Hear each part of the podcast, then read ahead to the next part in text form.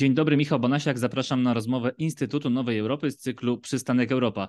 Na tym przystanku spotykamy się dziś z Mateuszem Lechowskim, korespondentem wojennym pracującym od wielu miesięcy w Ukrainie, korespondentem Polsat News, a także autorem tygodnika Newsweek. Mateusz wrócił właśnie e, do Ukrainy i jest w Charkowie. Dzień dobry. Dzień dobry.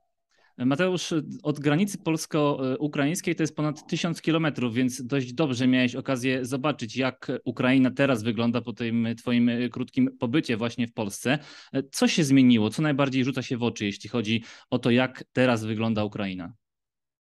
Wiesz co, w tych miejscach, w których ja byłem, jest e, spory powrót do normalności. Ja się będę trochę ruszał, bo słońce mnie zaczęło mnie razić, wyszło tutaj słońce w Charkowie, więc może tutaj w Charkowie tego tak nie widać, chociaż to jest też, zawsze mówię, że Charków jest strasznie kontrastowy, to, e, no bo są takie miejsca jak właśnie to za mną, czyli totalnie zniszczony budynek, już uprzątnięty gruz, a dalej są normalne jakby budynki.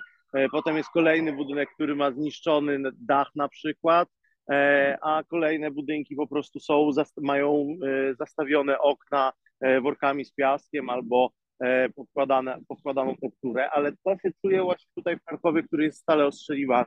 To się czuje w Mikołajowie, w całym obwodzie mikołajowskim, w tej części kontrolowanej jeszcze malutkiej obwodu hersońskiego przez Ukraińców, no i oczywiście w Donieckim obwodzie. Tam rzeczywiście czuć tę wojnę bardzo, też słychać te ostrzały codziennie tak naprawdę w tych wszystkich miejscach, które wymieniłem. Ale ja byłem teraz w Lwowie przez chwilę, bo była wizyta e, prezydenta Erdogana i Antonio Guterresa, e, sekretarza generalnego e, ONZ w, w Lwowie i spotkanie z prezydentem Zeleńskim. Byłem teraz w Kijowie przez chwilę, bo chciałem zobaczyć tą no, niezwykłą paradę rosyjską, bo centrum Kijowa na Chrystiatyku, czyli na głównym deptaku, takim, takiej głównej arterii, najsłynniejszej ulicy w ogóle Kijowa, e, gdzie zawsze ludzie po prostu wychodzą e, na imprezy, na, tam jest zawsze tłum ludzi. Teraz jeszcze większy, bo rozstawiono sprzęt rosyjski zdobyty przez Ukraińców. No i ten sprzęt to jest taka ironiczna ze strony Ukraińców taki przytyk do Rosjan, że to jest taka defilada rosyjska przed ukraińskim świętem niepodległości, więc Kijów naprawdę wygląda totalnie normalnie. Zjadłem tam wczoraj obiad, w knajpie, którą bardzo lubię, wiesz, że piłem pyszną kawę. Jest totalnie tak samo jak w Warszawie. E, oczywiście było słychać alarm bombowy wieczorem. Tak samo było w, w Lwowie. Stałem w Lwowie i rozmawiałem z kolegą żołnierzem, którego poznałem, Zacharem. Bardzo ciekawe informacje mi ogólnie przekazywał, bo on dwa miesiące spędził w Donbasie i mało tego, że dwa miesiące spędził w Donbasie, brał czynny udział, bo to jest e, oddział WDW, którym on służy, brygada WDW, czyli powietrzno-desantowa. Mm, on brał czynny udział w bitwie na łuku Dońca Sybierskiego jeszcze w maju, wtedy kiedy e, media wszystkie, między innymi też w Polsce, na świecie pokazywały ten zniszczony e, rosyjski sprzęt. To wtedy on tam był i on był jedną z osób, która jak opowiadał po prostu, no on też tam zniszczył parę, parę jakichś, że tak powiem, czołgów rosyjskich albo jakichś innych transporterów pojazdów. E, z pomocą, e, bo on jest oficerem, więc tam jego oddział po prostu to był, jest dowódcą roty, jego rota tam się tym zajmowała. Potem został ranny. Bardzo ciekawe rzeczy mi opowiadał, ale staliśmy w centrum e, Lwowa, ludzie w koło sobie pili piwo, była godzina 23, powinna już być wtedy tak naprawdę godzina policyjna, już policja nas wszystkich stamtąd wyganiała i wtedy rozbrzmiały syreny alarmowe. Syreny powyły z godzinę, e, potem był spokój i Lwów naprawdę wygląda e, trochę jak Kraków w tej chwili, no a potem jedziesz dalej, tak jak e, powiedziałeś, no sporo kilometrów, usianych też blokpostami, które już na wschodzie rzeczywiście są takie bardziej szczegółowe. Zresztą spóźniłem się na tą rozmowę z Tobą, właśnie dlatego, że jeszcze dwa nowe blokposty powstały w Charkowie w stosunku do tego, jak byłem wcześniej. No i wjeżdżasz do miasta, gdzie właśnie tekturą są zabite okna, no bo jest codzienny ostrzał, co noc, co noc właściwie jest ostrzał. Dziś na szczęście nie było, bo dzisiaj, dzisiaj już byłem w Charkowie e, i nie było, nic nie, nie było słychać samego ostrzału w mieście. E, pod miastem był ostrzał w obwodzie charkowskim, ale kawałek dalej, więc dziś miasto w miarę odetchnęło. No ale to jest właśnie kontrast y, tego kraju, że no, stoję właśnie tak przy, przy, przy, domu, który jest zabity tekturą, ale z tyłu jedzie sobie pani na rowerze, prawda? Ci mieszkańcy zostali. To jest miasto, które ma półtora miliona mieszkańców normalnie, e, przed wojną miało. Teraz ma około miliona. I co ciekawe, naprawdę, jak ja tutaj przyjeżdżałem jeszcze w kwietniu, to widać było, że tych ludzi było mniej. Część tych ludzi wróciła. Tylko wróciła dosłownie, e, wtedy był taki moment, że było spokojniej, powiedzmy w maju, no ci ludzie zaczęli z powrotem wracać, no i niestety wraca, wrócili do miejsca, które jest codziennie przez Rosjan tak terrorystycznie ostrzeliwane, przez artylerię, tanio, bo artyleria jest tańsza. Zazwyczaj z armatopochałbic piątek, wszyscy mówią, bo one mają duży zasięg, olbrzymi kaliber, ale nie tylko, bo też e, z systemów rakietowych, które tutaj dolatują, ze smierczy, z uraganów. No i no, ci ludzie tutaj naprawdę mają problem z życiem, prawda? Później jeszcze dzisiaj będę jeszcze na Saltiwce, jak chcesz, to ci wyślę zdjęcia, bo tam zawsze jeżdżę. Tam zresztą była baza, w której ja nocowałem z żołnierzami. Ta baza jest całkowicie zniszczona. E, tam zginął jeden z żołnierzy, który, który, którego, którego znałem. Cała ta dzielnica jest zniszczona, jest taką pustynią gruzów. I jak ja słyszę, że ostatnio, dwa dni temu e, czy trzy, zginęło 19 osób właśnie w okolicach Saltiwki, albo w, w rejonie tej dzielnicy, to się trochę łapie za głowę, bo jak ja tam pierwszy raz przyjechałem, tam nie było ludzi, bo oni byli ewakuowani, no ale widocznie przez to, że było spokojnie, oni wrócili, no i wrócili po śmierci. Mówisz o tym, że jest spokojnie, że można przyrównać Kijów do Warszawy, czy też Lwów do Krakowa, ale mamy takie miejsca cały czas na terenie y, Ukrainy, gdzie te walki się toczą, a jeżeli nie toczą się walki, to słyszymy z kolei o wydarzeniach z Krymu, gdzie mamy eksplozję różnego rodzaju obiektów, które są pod kontrolą Rosjan i mamy ciekawą sytuację, bo Rosjanie twierdzą, że to tylko wybuchy wynikające z jakichś wypadków. Ukraińcy też się do tego nie, przyznają. Jak to wygląda, jeśli chodzi o takie podejście, o opinię samych Ukraińców? Mam na myśli ukraińskich mieszkańców e, tego kraju. Jak oni oceniają to, co dzieje się na Krymie? No i czy jest e, to zapowiedź tego, że w najbliższym czasie będziemy mieli coraz więcej takich e, no, różnego rodzaju prób wciągnięcia właśnie Krymu przez Ukraińców do tych działań wojennych, po to, żeby pokazać Rosjanom, że ten, ter ten teren okupowany od nich, przez nich przez ostatnich 8 lat wcale nie jest bezpieczny. Ukraińcy się cieszą, jeśli chodzi o ten ostrzał Krymu. Jeżeli ja rozmawiam z cywilami, żołnierzami, to oni się cieszą, że to się dzieje, bo no po pierwsze trochę to jest takie na zasadzie rewanżu, że wiesz, no te miasta Ukrainy były niszczone. To, że teraz jest spokojnie e, w Kijowie, to nie znaczy, że wiesz, pamiętam jak przyjeżdżałem do Kijowa, to to był koszmar. E, tam nie było ludzi na ulicach prawie. E, w mieście powstawały blokposty, wiesz, zasieki i tak dalej, rozstawiano zasieki przeciwczołgowe. Tam zwykli ludzie często chodzili się dosłownie z jakimiś strzelbami, to już teraz nie mówię e, o Kijowie, ale pod Kijowem na przykład. Rozmawiałem ostatnio z takim Ukraińcem, który ma trzecią grupę inwalidzką, jest po 50 i opowiadał, że on przed dwa miesiące stał na blokpoście w zachodniej Ukrainie, bo się bał, że Białorusini e, wkroczą. Więc e, ten, ten kraj naprawdę, on dopiero wraca do normalności. My też musimy pamiętać, że on jest to jest zniszczone. Tak, e, mówię o tym Kijowie i o Lwowie, bo trochę tak e, chcę podkreślić to, że jest lepiej. Jest lepiej. Ja czuję, że jest lepiej w centrum Ukrainy. Ale tak jak powiedziałeś, no są właśnie miasta jak Charków, gdzie dzisiaj zostaje znowu na noc i spodziewam się tego, że w nocy nie pośpię. Nie? To znaczy, że będą syreny, że będą ostrzały, że może w nocy będę gdzieś jechał samochodem, żeby coś nagrać, żeby pokazać, jak to wygląda, bo zawsze jak jestem w Charkowie, to to tak wygląda.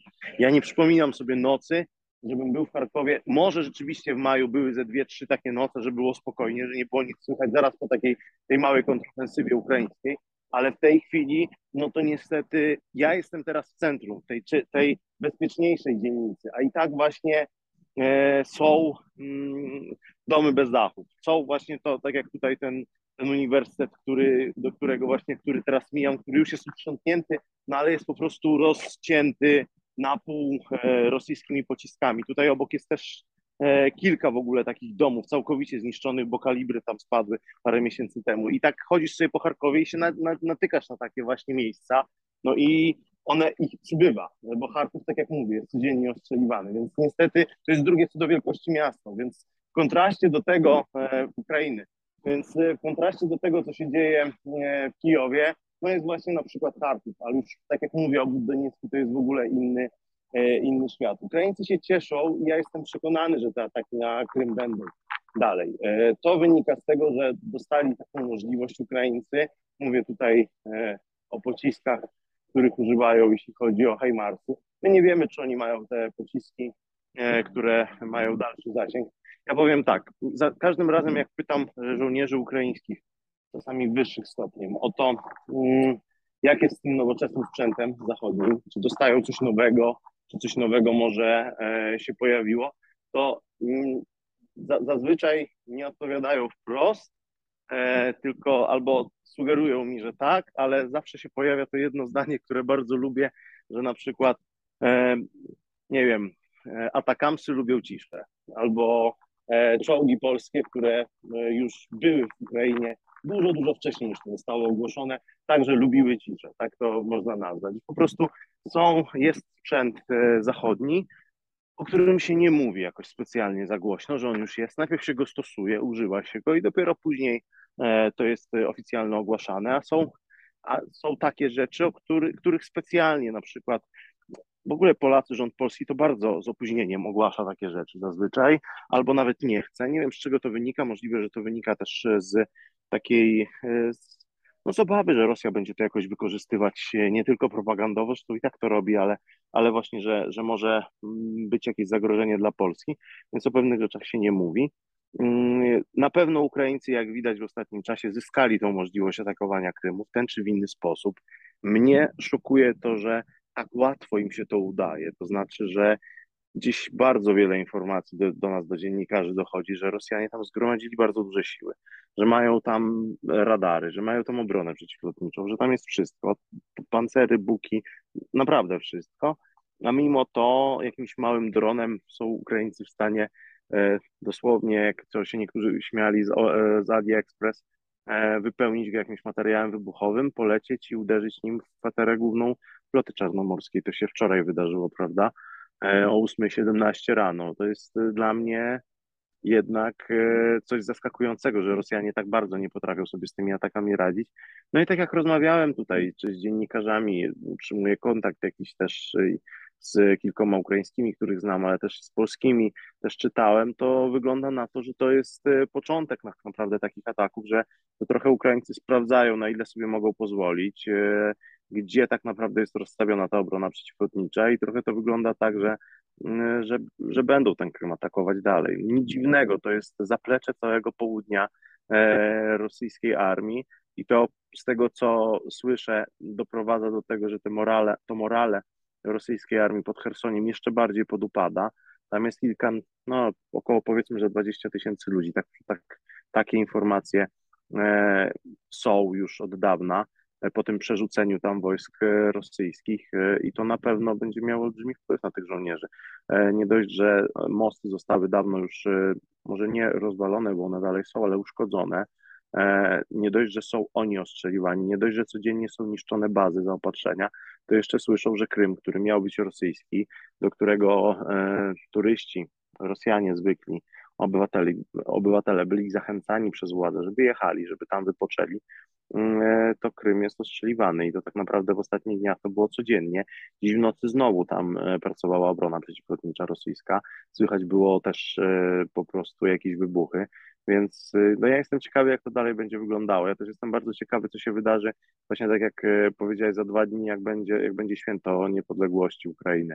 E, na ile to będzie taki dzień, kiedy rzeczywiście, bo też część Ukraińców się tego boi, że Rosjanie wtedy maso, masowo będą ostrzeliwali właśnie znowu miasta Ukrainy, e, a na ile to właśnie Ukraińcy wtedy e, zrobią coś symbolicznego znowu, tak jak ten dron uderzający w kwaterę główną floty czarnomorskiej, tylko tym razem może w taki sposób, że to rzeczywiście nie będzie tylko symbol, tylko coś większego.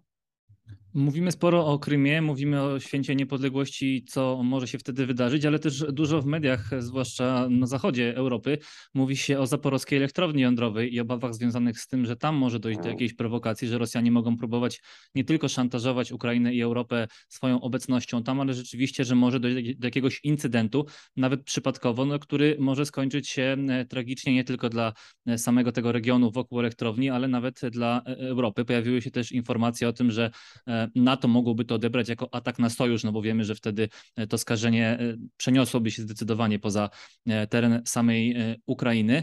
Jak to w tym momencie wygląda z perspektywy Ukraińców? Co oni na ten temat mówią? to społeczeństwo też jest skomplikowane. Jak rozmawiasz na przykład z osobami starszymi, z cywilami, to oni ewidentnie się boją po tym, co się działo. Kiedy rozmawiasz z żołnierzami, to mają bardziej takie racjonalne podejście, że no tak, obawiamy się, że Rosjanie mogą coś zrobić, ale nie wydaje nam się, żeby to było realne, no bo to się spotka z olbrzymią reakcją e, międzynarodową, no a przede wszystkim, że to też dotknie Rosjan, prawda, no bo to jest e, nie dość, że obok terytorium, no ta elektrownia jest na terytorium okupowanym, to jeszcze przecież obok właśnie jest Krym, obok są duże rosyjskie miasta, niedaleko jest do Rostowa, e, więc to wszystko na pewno by się też, no to skażenie, gdyby była jakakolwiek katastrofa w tej elektrowni, to to dotknęłoby bardzo mocno także Rosjan. E, więc e, wydaje się to, tak jak się rozmawia właśnie z żołnierzami e, ukraińskimi, oni mają do tego dość duży dystans, że to raczej jest właśnie kolejny rodzaj szantażu rosyjskiego, no bo wszystko jest dobre, żeby przeprowadzić szantaż. Jeżeli nie gaz, nie ropa, no to, no to energia jądrowa, jakieś zagrożenie ewentualną. Właśnie wczoraj taki raport, że już jest 30% mniejsza gospodarka, ona się skurczyła o jedną trzecią więc ponad 30% ukraińska, a do końca roku to ma być 40%. Także to jest rzeczywiście, nie wiem jak bardzo sankcje działają na Rosję. Dużo czytałem na temat tego ostatnio, że jednak działają, tylko tego nie widać, że Rosja to ukrywa. E, inne artykuły czytałem, że nie działają. No ewidentnie wojna e, na Ukrainę działa destrukcyjnie. To Ukraina to nie jest tylko Kijów, Lwów, tak jak rozmawialiśmy, to jest właśnie też taki Charków, e, ale też takie mniejsze jakieś miejscowości, wsie i naprawdę no tam część e, gospodarki po prostu przestała istnieć, część w ogóle e, sfer gospodarki. Ja mam znajomą, która pracowała, miała swoje biuro turystyczne, biuro podróży. Miała je w Mariupolu, więc w ogóle zapomnijmy o tym, że, że cokolwiek tam miała, bo nie ma samochodu, nie ma domu, który miała, nie ma części rodziny, która tam zginęła, w tym babcia, części znajomych zginęła, ale też nie ma pracy, w sensie nie ma w ogóle gdzie tej, tą pracę podjąć e, w Ukrainie, dlatego wyjechała do Francji e, z dzieckiem i tam będzie się starała jakoś żyć. Mm, my zapominamy, mam wrażenie o tym, w Polsce widzimy tylko te obrazki, jak to wiesz, zniszczone budynki, wybuchy i tak dalej, ale że to już jest pół roku i 40 e, milionów ludzi, którzy, którzy żyli w Ukrainie, oni muszą jakoś żyć, nie? Teraz wiadomo jest ich mniej, bo miliony wyjechały, przekroczyły granicę po prostu z Ukrainą, zwłaszcza ze wschodu, jest ta ewakuacja z Donbasu, ale kurczę, naprawdę ten kraj w niektórych miejscach mi się wydaje trudny w tej chwili do życia. W takim razie zapytam Cię jeszcze jedną rzecz, która też, zwłaszcza zachód Europy, w jakiś sposób przeraża, mianowicie wizja nadchodzącej zimy i problemów z dostawami, czy to gazu, czy to węgla. A jak to wygląda w Ukrainie? Czy tam też są obawy, czy są przygotowania do zimy? No bo wiemy, że Rosja e, może i tutaj e, wykorzystać narzędzia, którymi dysponuje, żeby e, też ta energetyka ukraińska została mocno naruszona i żeby po prostu Ukraińcy podczas tej zimy mocno cierpieli. Też mówi się o tym, że może to skutkować kolejnym kryzysem uchodźczym, bo kolejne miliony Ukraińców w mm. obawie przed zimnem, w obawie przed chłodem mogą próbować szukać schronienia poza granicami kraju. No tak może być. E, no słyszymy nawet, że na przykład no, ta elektrownia atomowa, o której wspomniałeś, Energodar przecież ona dalej dostarcza e, energię do Ukrainy. Rosjanie chcą przestawić to. Chcą, żeby ta elektrownia dostarczała energię tylko do Rosji. To też będzie olbrzymi problem, bo to jest nie dość, że największa elektrownia atomowa w Ukrainie, to i w Europie. Więc to na pewno będzie kłopot. Tylko, że ja wiesz co, jak czytam te informacje ukraińskie, też jednak e, E, obserwuję to wszystko, co się tutaj dzieje, będąc na miejscu, to mam wrażenie, że to naprawdę jest najmniejszy problem dla Ukraińców. To znaczy, e, takie rzeczy właśnie jak zimno i tak dalej. Oczywiście oni się do tego przygotowują, oczywiście są informacje o tym, że rezerwy, że zakupy, że, że zgromadzony właśnie też węgiel. To, to wszystko czytałem, ale na tą chwilę wszyscy są skupieni na tym, czy Hersoń znowu będzie ukraiński, czy to się wydarzy, czy będzie jakaś kontrofensywa, E, czy miasta będą ustrzeliwane. Ja też mam wrażenie, że Ukraińcy mają trochę taką perspektywę tygodnia, dwóch e, do przodu w tej chwili, bo naprawdę nie wiedzą, co się wydarzy za, za miesiąc, za dwa. Wiesz, tak jakbyśmy się cofnęli właśnie o pół roku do tyłu, no to co się działo na przykład cztery miesiące temu czy pięć miesięcy temu. Ja jednak wierzę w to, że się poprawia ta sytuacja, po tym biorąc pod uwagę, co, co jest w centrum. Też wierzę w to, czytając i rozmawiając z żołnierzami ukraińskimi, że oni w pewien sposób liczą na zimę, bo zima, jesień, zima to jest okres tej słoty, no i wtedy nie będzie żadnej ofensywy rosyjskiej też, bo jednak każdy się z tym, myślę, że też te, te ataki na logistykę rosyjską z jednej strony oczywiście mają zadawać po prostu straty Rosjanom, ale te, to zadawanie strat e, też ma szerszy, szerszy cel. Tym, tym celem jest to, żeby mm, nie musieć tracić kolejnych żołnierzy, e, nie musieć odpierać ofensywy rosyjskiej. Jak zniszczymy logistykę rosyjską, to oni w ogóle nie mogą zrobić takiej ofensywy, więc nie ma wtedy potrzeby walki. I rzeczywiście, kiedy się znowu wojna wróci do dróg, e, bo tak było przecież w marcu, czy, na, czy pod koniec lutego, to znaczy, że e, rozmoknięta ziemia, e, błoto nie będą pozwalały Rosjanom na używanie ich e, ciężkiego sprzętu w polu, to, to będzie lepsza sytuacja dla armii ukraińskiej, no bo wtedy rzeczywiście te pojazdy będą się musiały